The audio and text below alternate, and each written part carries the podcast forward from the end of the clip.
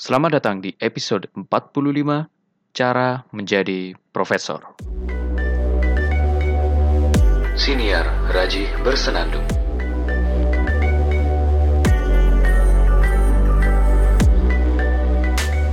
Oke, saya akan mengawali dengan mengatakan bahwa gelar ini bukan gelar main-main. Bukan gelar sembarang gelar loh. Kata-kata prof di depan nama seseorang itu bukan hal yang asal kita sematkan begitu saja. Mungkin secara kultural kita biasa menyebutkan kepada kawan-kawan kita yang mungkin rajin baca buku, secara penampilan juga seperti profesor gitu. Dan kita juga sering dibentuk gitu pemikiran kita bahwasanya profesor itu adalah orang yang suka menemukan sesuatu. Menemukan mesin, menemukan alat, apalagi suka berada di laboratorium, belajar, baca buku, cerdas juga mungkin ya, kayak Einstein gitu mungkin. Tapi kita pernah ngerti nggak sih gimana prosesnya untuk bisa menjadi seorang profesor gitu? Kita bahkan nggak ngerti. Nggak ngerti. Saya akuin itu. Saya baru ngerti menjadi seorang profesor itu kayak gimana setelah menjadi dosen. Itu lucu ternyata. Karena gini gini gini. Ceritanya tuh gini. Dulu saya ngiranya memang seperti yang saya bayangkan di film-film kartun, profesor itu adalah orang yang menemukan robot, alat yang canggih, dan waktu itu ketika SD, sumpah ini nggak bohong, saya bercita-cita pengen jadi profesor yang nantinya bisa bikin alat super canggih untuk membela kebenaran di dunia. Wah.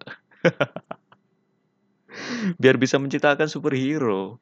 Kemudian juga dengan kecanggihan seorang raja yang sudah jadi profesor ini, dia bisa menciptakan superhero-superhero dengan alat-alat khusus.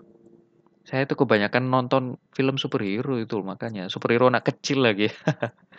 Tapi, uh, kita nggak bisa bilang itu superhero anak kecil karena yang saya tonton waktu itu Kamen Rider, juga pahlawan-pahlawan yang lain ya. Ya, awalnya saya berpikir seperti itu. Kemudian pemikiran saya berkembang, lama-lama saya mikir profesor itu ternyata orang yang, uh, pinter dalam, uh, salah satu bidang gitu, salah satu bidang keilmuan.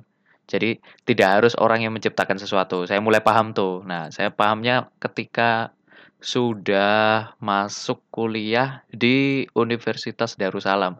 Dulu namanya bukan Universitas Darussalam Gontor ya, tapi namanya itu Institut Studi Islam Darussalam. Saya mulai paham karena uh, saya mulai mengenal orang-orang yang menuju gelar profesor. Uh, mulai baca-baca tentang uh, artikel yang penulisnya itu profesor. Oh, gitu. Jadi nggak harus orang yang menemukan sesuatu. Maksudnya waktu itu ya pemahaman saya, nggak harus orang yang menemukan suatu alat canggih gitu, nggak harus. Tapi akademisi yang sangat pinter di salah satu bidang itu dikatakan profesor. Kayak gitu. Dan waktu itu saya mikirnya, untuk bisa jadi profesor saya harus sekolah S1, S2, S3, kemudian studi lagi biar bisa jadi profesor. Kayak gitu. Dia tuh kayak jenjang studi gitu loh, saya dulu mikirnya. Nah, makin ke sini eh, makin ke sini, ya makin lama saya makin mikir lagi. Bukan mikir ya, tapi jelas pemikiran manusia itu berkembang gitu. Uh, input itu masuk terus. Lama-lama saya akhirnya paham, ternyata profesor itu bukan gelar akademik ketika saya lulus S3, tidak ada studi lagi yang bisa membuat saya menjadi seorang profesor. Tidak ada. Karena profesor itu bukan gelar akademik.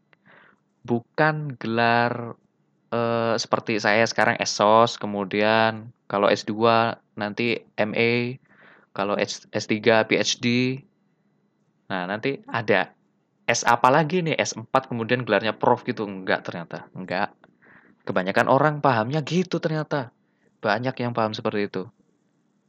Oke, setelah saya pelajari, eh, diskusi sana-sini, sudah memasuki dunia akademik di universitas, jadi dosen, meskipun ya masih S1 dan belum dapat jadwal ngajar, akhirnya saya paham. Ternyata ada proses tertentu yang harus dilalui dan dijalani untuk bisa menjadi profesor. Di Indonesia, profesor biasa disebut sebagai guru besar. Ya, guru besar gitu. Ketika orang sudah bisa menjadi guru besar, ya beliau bisa dipanggil prof. Di luar negeri mungkin profesor di oh, orang bisa dianggap profesor itu kalau mengajar di sekolah menengah atau ya di tingkatan sekolah tertentu. Macam-macam. Macam-macam. Cuma kalau di Indonesia untuk bisa dapat gelar profesor harus masuk ke lingkungan akademik pendidikan tinggi.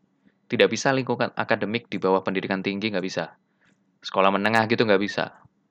E, PAUD, pendidikan anak usia dini, nggak bisa, nggak bisa. Harus di pendidikan tinggi. Nah, e, tahapan-tahapannya itu ada, men. Ada, dan harus kita lalui untuk bisa menjadi profesor. Kalau di Amerika, itu ada tahapan seperti ini. Nggak tahu ya, nanti silakan dicek. Dicek di Google bisa lah. Kalau nggak salah waktu itu saya baca pertama itu asisten profesor gitu tahapannya, yang pertama. Yang kedua nanti setelah uh, mengikuti proses naik menjadi associate professor. Baru setelah associate professor dia menjadi profesor. Full professor gitu. Nah, kalau di Indonesia ada tahapannya. Kan tadi saya bilang harus masuk lingkungan pendidikan tinggi kan? Maka harus masuk jadi dosen di kampus. Jadi dosen di kampus. Oke. Contoh, seorang Raji masuk ke kampus Universitas uh, Universitas Tunas Muda gitu misalkan ya. Dia jadi dosen di Sosiologi Universitas Tunas Muda. Jadi dosen baru nih. Statusnya adalah tenaga pengajar. Kemudian dia harus mengajar selama satu tahun, kemudian bisa memenuhi syarat untuk uh, mengajukan uh, tahap pertama untuk bisa menjadi guru besar. Nah, sebelum saya jelaskan lebih lanjut mengenai tahap pertamanya, saya mau sebutkan dulu beberapa tahap untuk menuju guru besar. Kalau tadi di Amerika kan ada associate professor gitu kan, sebelumnya itu ada assistant professor, uh, kemudian setelah associate professor kan jadi baru profesor gitu kan. Kalau di Indonesia itu tahapan pertamanya asisten ahli, kemudian yang kedua itu lektor, yang ketiga lektor kepala, baru setelah lektor kepala eh lektor kepala. baru setelah lektor kepala bisa naik menjadi guru besar atau profesor. Nah, saya kembali ke awal, eh sebelum itu, uh, untuk bisa naik uh, tingkatan, naik pangkat. Ini namanya uh, pangkat apa ya? Jabatan fungsional, jabatan fungsional, ya, jabatan fungsional. Atau kalau di kalau bahasanya itu ya jabatan akademik, jabatan akademik atau pangkat dosen. Silakan baca di pedoman operasional penilaian angka kredit kenaikan jabatan akademik untuk lebih detailnya. Itu ada. Coba searching aja ya. Saya ulangi lagi. Pedoman operasional penilaian angka kredit kenaikan jabatan akademik atau pangkat dosen. PO 2019. Nah, ini uh, kita akan tahu nanti di dalamnya itu orang bisa ya, seorang akademisi itu bisa menjadi uh, akademisi dosen ya maksudnya ya. Uh, bisa menjadi profesor setelah melalui tahap apa aja gitu. Oke, saya balik ke yang pertama tadi. Setelah jadi tenaga pengajar, terus ngajar selama satu tahun, maka dia bisa memenuhi syarat untuk e, mengajukan, majukan diri untuk bisa naik ke asisten ahli. Tapi syaratnya nggak hanya itu, nggak hanya pengalaman mengajar selama satu tahun, nggak. Uh, ini sepemahaman saya ya. Ini masih kurang banget, ada salahnya banget ini, nggak apa-apa. Yang penting, uh, meskipun ada salahnya kan ada benarnya juga. Nah, uh, syaratnya adalah selain mengajar satu tahun yaitu punya NIDN. NIDN ini bisa diajukan kalau, uh, si dosen ini sudah masuk perguruan tinggi. Kalau sudah masuk perguruan tinggi dan sudah punya gelar S2 ajukan aja, bisa kok. Masalahnya kan saya masuk perguruan tinggi dan masih S1 gitu, jadi nggak bisa ngajukan NIDN. NIDN itu nomor induk dosen nasional gitu. Nah, setelah punya NIDN, kemudian sudah punya apa itu namanya pengalaman mengajar selama satu tahun. Uh, kemudian ada syarat ini, uh, hasil penelitian yang dipublikasikan di jurnal uh, jurnal nasional terakreditasi.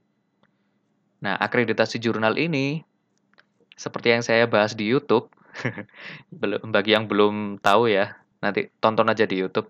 Itu uh, ada bahas soal akreditasi jurnal nasional. Jadi kita nggak bisa sembarang kirim jurnal gitu. Ada akreditasinya jurnal di Indonesia itu. Ada akreditasi Sinta 1, Sinta 2, sampai Sinta 6. Ada tingkatannya gitu. Yaitu semacam apa ya, peringkat lah, pemeringkatan. Jurnal kalau udah bagus pengelolaannya itu peringkatnya bisa naik. Ya indikatornya nggak hanya itu aja sih, tapi ya ribet lah, banyak penjelasannya. Nggak cukup kalau saya jelasin di sini, oke. Nah, yang penting seingat saya itu persyaratannya itu tadi. Uh, sudah punya gelar S2, punya NIDN, kemudian punya pengalaman ngajar, punya artikel yang diterbitkan di jurnal terakreditasi nasional. Uh, yang nggak terakreditasi bisa nggak ya? Kayaknya bisa deh, lupa. Yang penting ada artikel yang terbit di jurnal gitu, artikel ilmiah. Lupa. Tapi lebih amannya ya di jurnal yang terakreditasi nasional sih, terindeks Sinta. Ada, ada uh, Dikti itu punya platform namanya Sinta.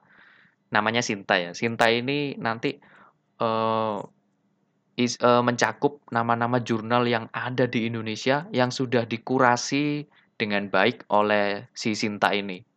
Artinya jurnal yang sudah masuk namanya di Sinta itu bukan jurnal main-main gitu. Dan Sinta juga punya pemeringkatan. Ada S1, S2, S3, S4, S5, S6. Paling tinggi itu S1. Sinta 1 gitu. Kalau jurnalnya Sinta 1 berarti dia uh, jurnal yang terindeks Scopus juga. Scopus kalau terindeks Scopus kan berarti secara uh, reputasi internasional itu bagus gitu loh. Bahas Scopus lagi ya, ruwet.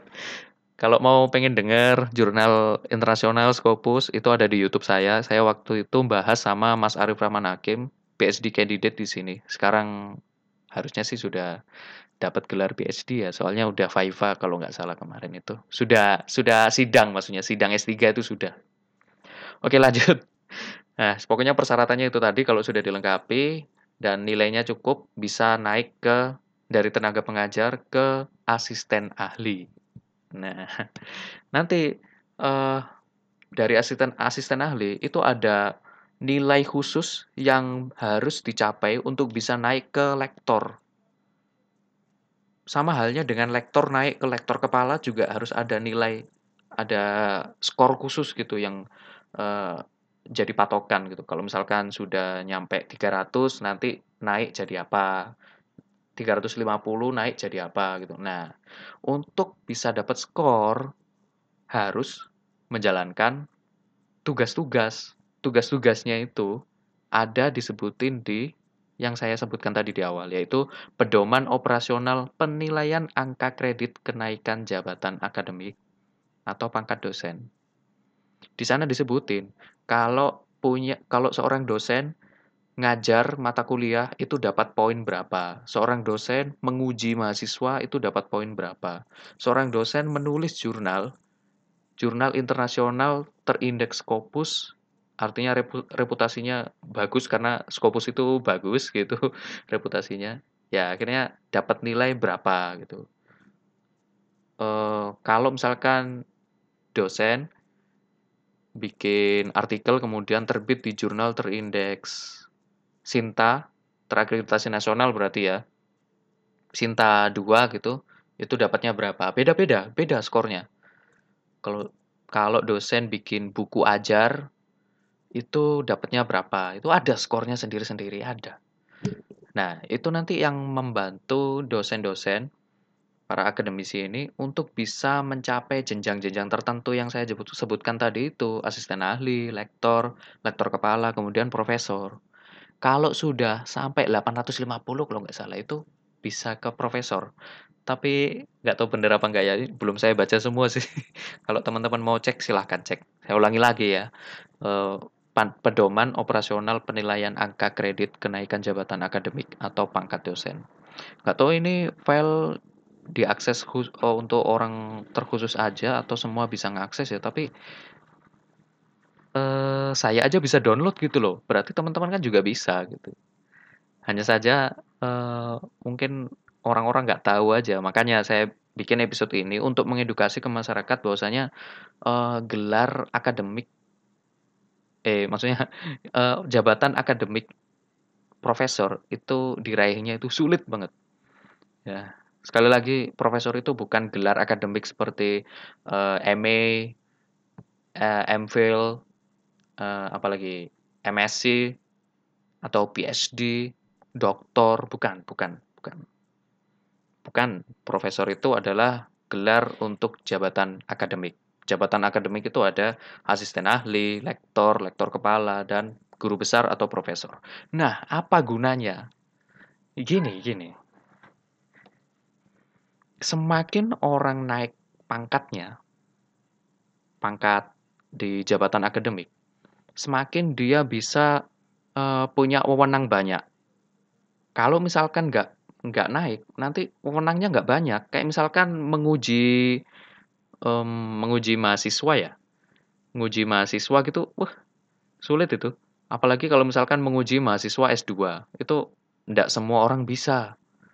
Karena misalkan, oh jangan menguji, membimbing aja, membimbing. Oh mengajar, mengajar dulu, mengajar. Tanggung jawab, wewenang dan tanggung jawab mengajar.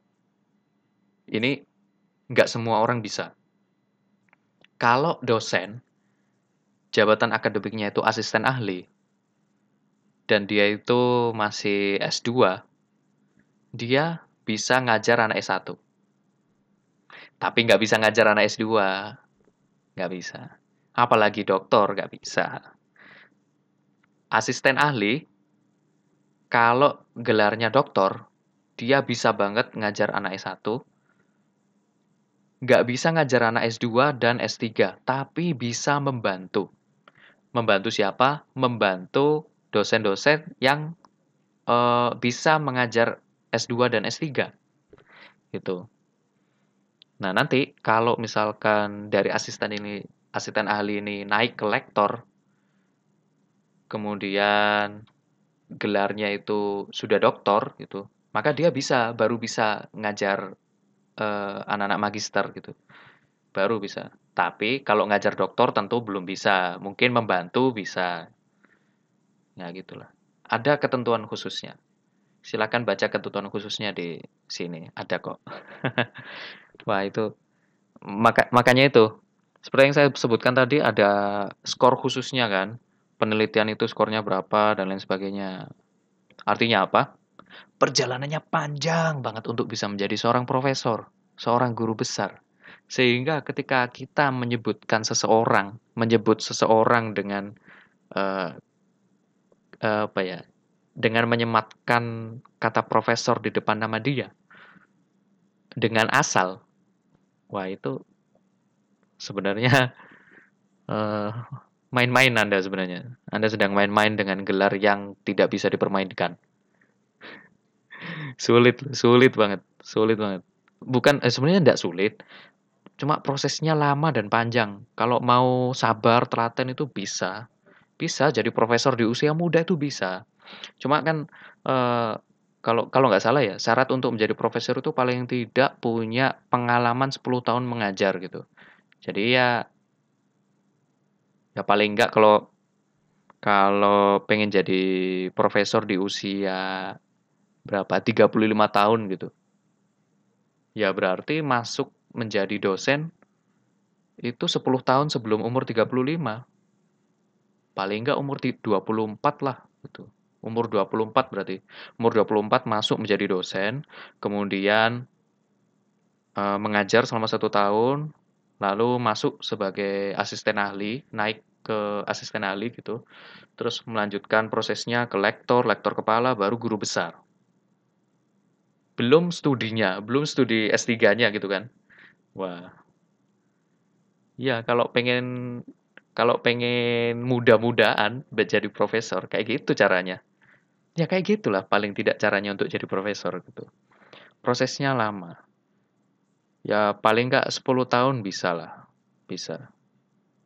Asal uh, persyaratan-persyaratannya bisa terpenuhi dan uh, pemenuhan persyaratan itu ya sama halnya dengan pemenuhan skor gitu. Maksudnya uh, skor ini harus penuh sampai ke angka berapa baru bisa naik pangkat. Maka untuk bisa naik pangkat itu kita harus nulis di eh, nulis uh, artikel kemudian terbit di jurnal internasional, jurnal ter, terindeks nasional Sinta gitu. Bikin buku ajar, bahan ajar dalam bentuk video mungkin dan lain-lain banyak banyak. Maka dari itu wajar kalau misalkan uh, profesor itu adalah orang yang punya track record penelitian yang banyak, track record akademik yang banyak dan terpercaya, kayak gitu.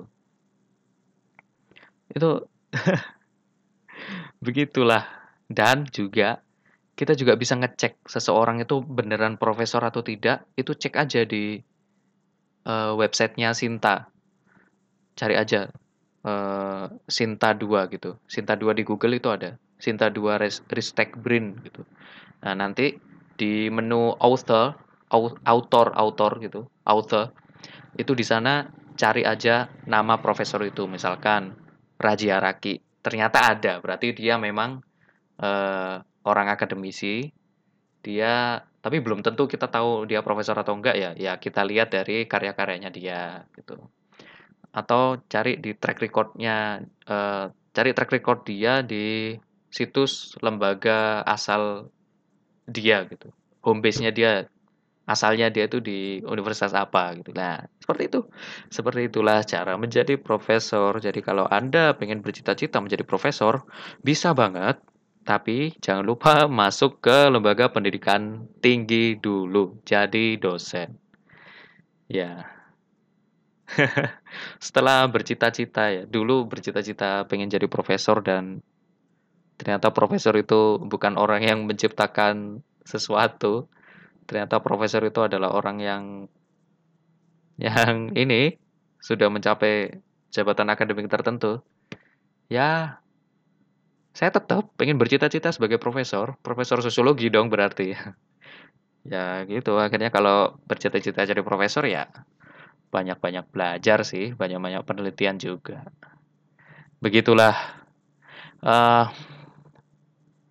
kalau misalkan kawan-kawan para pendengar setiap podcast Raja Bersenandung ingin berdiskusi lebih lanjut atau ada yang salah di saya tadi, silahkan uh, kirim unek-uneknya, kirim sarannya ke raji.a93 at gmail.com atau melalui direct message Instagram di @raji.araki atau @raji_bersenandung. Seperti itu, terima kasih. Sampai jumpa di episode berikutnya. Bye-bye. Podcast Haji Bersenandung